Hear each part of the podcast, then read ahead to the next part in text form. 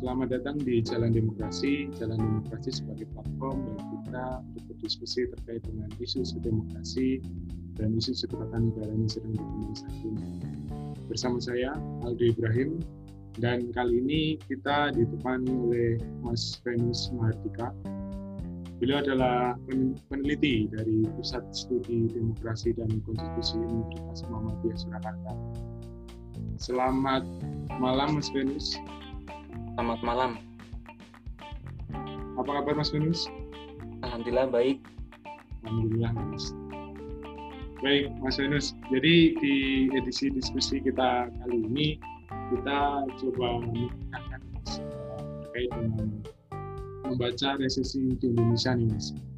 Jadi baik. memang eh, sebelum resesi ini muncul, ini kan sebenarnya ada eh, beberapa faktor ya Mas terutama yang faktor yang sangat terasa ini kan pandemi COVID-19 ini yang di mana uh, COVID-19 COVID-19 ini memang sudah muncul di Wuhan pada akhir tahun 2019 pada saat itu dan uh, menyebar di berbagai penjuru dunia. Untuk Indonesia sendiri uh, sebenarnya COVID-19 ini baru uh, terasa ketika pemerintah mengumumkan uh, bahaya dari COVID-19 ini di akhir ya bulan Maret pada saat itu tahun 2020 di mana uh, pandemi COVID-19 ini sudah uh, mewabah di Nusantara ini Mas. Nah, uh, korbannya pun sebenarnya juga sudah cukup banyak ya Mas. Uh, per tanggal 23 Agustus tahun 2020 ini atau hari ini tepat sore tadi menurut data ini sudah mencapai 153.535 orang yang positif dan yang meninggal itu sudah mencapai 6.680 orang. Nah ini kan eh, sangat berbahaya dengan korban yang sebanyak itu di Indonesia ini. Nah sebenarnya juga eh, menyeraknya pandemi COVID-19 ini juga berdampak di segala lini ya mas jadi pandemi COVID-19 ini juga berdampak di, di terutama itu di segi ekonomi sesuai bidang Mas Venus ini Mas. Nah di bidang ekonomi ini eh, sangat terpuruk Indonesia ini ketika pandemi COVID-19 ini. Bahkan pemerintah eh, memprediksi eh, pandemi ini membuat pertumbuhan ekonomi Indonesia di kuartal kedua itu di tahun 2020 minus hingga 3,8 persen dan menurut uh, Peter Abdullah dari Direktur Riset Center of Reformation and Economic di kuartal 3 ini memprediksi pertumbuhan Indonesia ini akan minus 3 sampai 4 persen. Nah, ini nantinya kalau ini akan berlanjut ke depannya akan membuat uh, apa yang dinamakan sebagai resesi ekonomi ini, Mas. Nah, bagi para pendengar uh, Jalan Demokrasi dan juga para yang ingin belajar ekonomi. Sebenarnya apa sih mas eh, resesi ekonomi itu yang sering diperbincangkan di publik itu? Oh ya jadi menyoal masalah COVID-19 ya sebenarnya. Jadi uh, yang menjadi akar diskusi kita pada malam hari ini atau mungkin di podcastnya Jalan Demokrasi ya. Sebelumnya terima kasih sudah diundang dalam podcastnya Jalan Demokrasi. Uh, memang benar kalau untuk COVID-19 mulai sejak 2019 akhirnya di Cina dan akhirnya menyebar ke, ke berbagai negara di seluruh uh, dunia dan akhirnya sampai juga di Indonesia. Hanya kan kita mengalami beberapa permasalahan dari sisi kesehatan, ekonomi, uh, ekonomi pun masuk dalam distribusi, produksi, dan juga pada konsumsi masyarakat. Nah, sebenarnya resesi ini kan uh, sudah berulang kali terjadi di berbagai negara sebenarnya ya seperti resesi tahun 2008 yang cukup cukup banyak membungkam atau menurunkan jumlah UMKM di Indonesia di situ. Nah, resesi ini sebenarnya adalah adalah penurunan signifikan dalam kegiatan ekonomi yang berlangsung selama berbulan-bulan atau bahkan bertahun-tahun. Nah, resesi ini eh, salah satunya adalah salah satu contohnya adalah penurunan produk domestik bruto atau PDB yang tumbuh secara negatif di situ. Kalau kemarin kan ada prediksi dari Menteri Sri Mulyani bahwa ada penurunan di di kuartal kedua yaitu sekitar 5 negatif 4,7 ya walaupun akhirnya meleset menjadi 5 negatif 5,32 di situ. Nah, apabila pada kuartal ketiga ini menjadi negatif lagi, maka akan disebut secara secara teori akan disebut sebagai resesi ekonomi secara teori ya. Walaupun dalam praktiknya di lapangan belum tentu juga di situ. Karena kan eh, ekonomi mikro dengan ekonomi makro kan berbeda di situ. Ekonomi makro makro adalah eh, akumulasi atau atau eh, penjumlahan atau penambahan dari seluruh aktivitas ekonomi di, di dalam sebuah negara di situ. Nah, bisa jadi kalau aktivitas mikronya itu positif, belum tentu juga aktivitas di tingkat makro itu uh, positif juga bisa jadi negatif. Jadi belum tentu kalau katakanlah kita resesi secara secara teori, tapi secara aktual itu bisa jadi positif. Nah, tapi kalau menyoal di masalah pandemi COVID-19 bisa jadi juga maksudnya adalah bisa jadi kalau eh, masalah-masalah uh, yang terjadi dalam resesi ekonomi di kuartal ketiga ini kan adalah masalah kesehatan sebenarnya bagaimana faktor distribusi dari produk suatu barang kan terganggu dengan dengan terjadinya COVID-19 seperti adanya uh, pengkarantinaan suatu wilayah seperti di kuartal kuartal kedua kemarin nih pada bulan April atau bulan Mei kemarin sehingga akhirnya banyak barang-barang yang harusnya didistribusikan secara uh, masif namun terhambat di situ. Walaupun ada ada ada faktor yang lainnya juga terkait menyoal masalah resesi tidak hanya masalah PDB. Contohnya meningkatnya tingkat pengangguran, menurunnya penjualan retail, terus ukuran pendapatan dari masyarakat juga menurun, manufaktur yang berkontraksi untuk periode waktu yang tertentu ini industri manufaktur kan juga sangat terpengaruh karena karena pandemi COVID-19 ini. Begitu. Oke, baik. Kalau kita lihat realitasnya ya Mas. Jadi memang di kuartal 1 itu kan juga minus, kuartal kuartal 2 itu juga minus, kuartal 3 uh, eh, pertumbuhan ekonominya juga diprediksi akan minus juga Mas. Nah, uh, dengan dengan prediksi seperti itu dan realitas seperti itu apakah Indonesia ini ke depan bisa dikatakan akan mengalami resesi Mas? kalau kuartal pertama kayaknya nggak minus deh ya oh, kan? iya. Kalau kuartal kedua kan baru minus nah kalau yeah. kuartal ketiga kalau katakanlah itu minus walaupun memang secara teoritis nanti akan minus karena memang untuk bangkit kembali dari negatif 5,32 itu kan sangat susah nah kemungkinan akan kuartal ketiga akan minus di situ untuk pertumbuhan produk domestik bruto di situ walaupun sebenarnya uh, kalau bisa dibilang COVID-19 ini sebagai katalisator aja sih sebenarnya.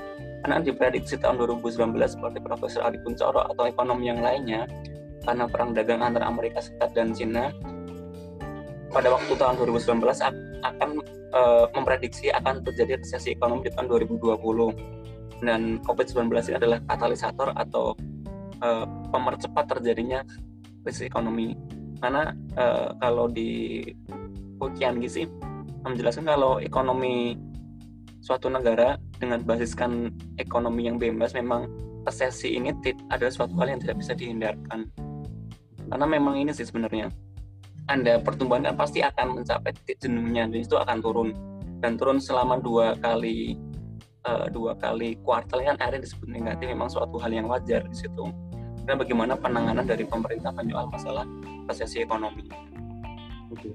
Baik, jadi uh, lantas gini mas, sebenarnya yang menjadi sebab uh, Indonesia ini ke depan atau para ekonomi prediksi akan mengalami resesi itu apa mas?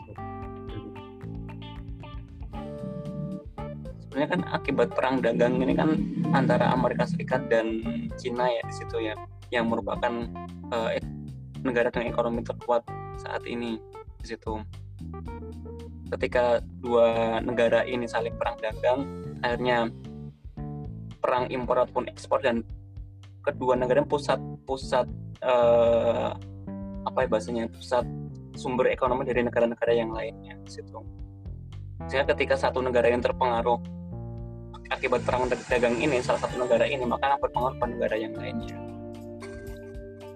kalau ini mas eh, terkait dengan dampak ini mas dampak resesi bila nanti terjadi dampaknya itu seperti apa mas di Indonesia ini apabila resesi ini terjadi? Nah, resesi ini kan uh, dampaknya banyak sebenarnya. Salah dengan tingkat pengangguran yang tinggi, terus UMKM atau perusahaan-perusahaan yang semakin kehilangan labanya atau bahkan mungkin bangkrut. Akhirnya kan mengakibatkan PHK kepada karyawan semakin banyak di situ. Yang kedua, barang-barang harganya semakin mahal apalagi barang-barang yang berbasiskan pada impor dari negara lain di situ dan ini perlu anda kebijakan-kebijakan dari pemerintah menyoal masalah itu di situ sebenarnya kan beberapa negara ini kan uh, sudah sudah mengalami mas resesi ini ya.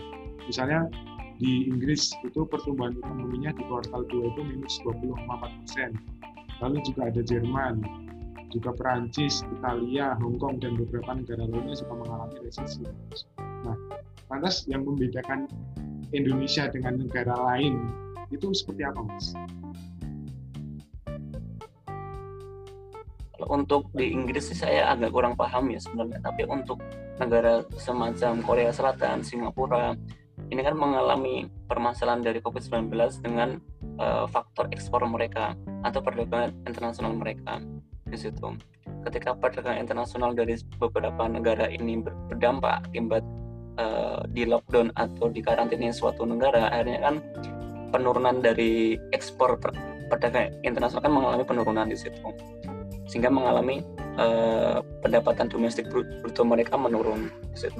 Sedangkan kalau Indonesia, kalau anda ini ya uh, data dari BPS menyebutkan 80% PDB kita itu diambil atau didukung dari konsumsi domestik bruto atau konsumsi konsumsi domestik di situ seperti semacam konsumsi masyarakat konsumsi, konsumsi pemerintah di situ. Sehingga uh, untuk faktor perdagangan internasional mereka hanya menyumbang sekitar berapa? Nggak salah 10 sampai 15 persen atau 20 persen di situ. Sehingga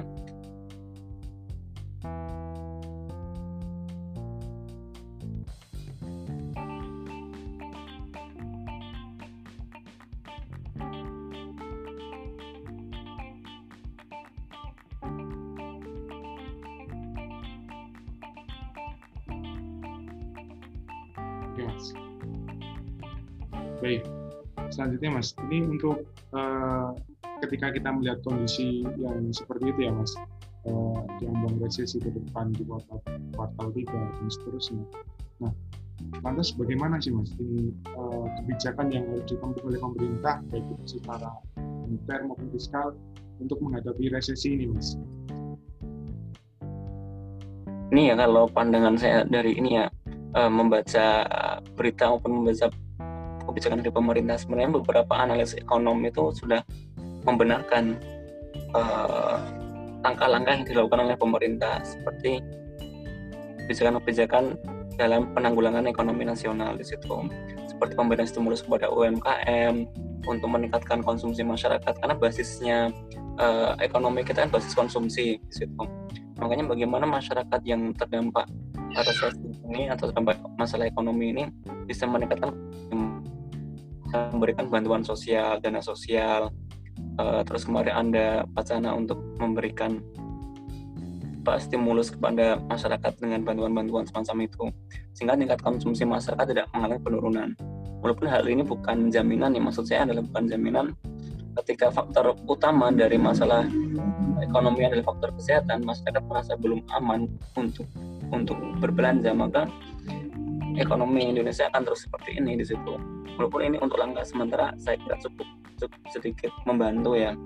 Bagaimana uh, ketika ketika andanya penambahan dana sosial kepada masyarakat hanya berimplikasi untuk memberikan multiplier multi, multiplier efek kepada ekonomi yang lainnya di situ. Kan banyak ketika pada kuartal kedua masyarakat nggak mau berbelanja kan gara-gara takut di situ nggak mau keluar seperti sektor di restoran terus wisata yang paling terpukul uh, banyak dan transportasi. Oke. Sebenarnya kan kalau tadi mas melanjutkan mas, pemerintah kan sebenarnya sudah ini ya sudah mengeluarkan berbagai macam stimulus kebijakan yang misalnya seperti uh, memberikan tambahan 50 ribu pada pemegang kartu sembako 200 ribu per kepala lalu juga ada bantuan langsung tunai lainnya nah menurut Mas Fenis apakah stimulus stimulus kebijakan itu sudah tepat mas? Kalau dalam review dari Indef ya, uh, Taufik Ahmad di situ tentang review pertumbuhan ekonomi dan kebijakan fiskal. Kalau menurut beliau itu ada beberapa rekomendasi mengenai stimulus ataupun kebijakan dari pemerintah dalam kebijakan fiskal. Konsumsi rumah tangga ini kan perlu diperluas untuk untuk uh, masyarakat. Dan menjangkau terhadap masyarakat yang ter PHK sehingga mereka yang tidak punya penghasilan karena di PHK bisa untuk konsumsi di eh, barang-barang yang seharusnya mereka konsumsi. Peningkatan kegiatan investasi terus investasi perpajakan. Investasi perpajakan di sini insentif perpajakan maksudnya adalah pajak-pajak yang uh, memberatkan bagi masyarakat tidak tidak tidak disamakan ketika masa normal. Harusnya diringankan di situ. Dan diprioritaskan pada sektor-sektor yang paling paling terdampak seperti industri, perdagangan, pertanian, konstruksi, pertambangan, transportasi dan pergudangan di situ. Sehingga uh, per, konsumsi dari industri yang yang masuk kepada pajak ini diringankan untuk pada sektor-sektor yang lainnya. Situ. Baik Mas, terima kasih atas kesempatannya Mas waktunya untuk mencerdaskan ya baik bagi para pendengar uh, dalam demokrasi ini Mas. Terima kasih Mas Venus. Oh ya, sama-sama. Oke, baik. Juga saya ucapkan terima kasih bagi para pendengar di channel demokrasi. Nantikan podcast-podcast kita selanjutnya.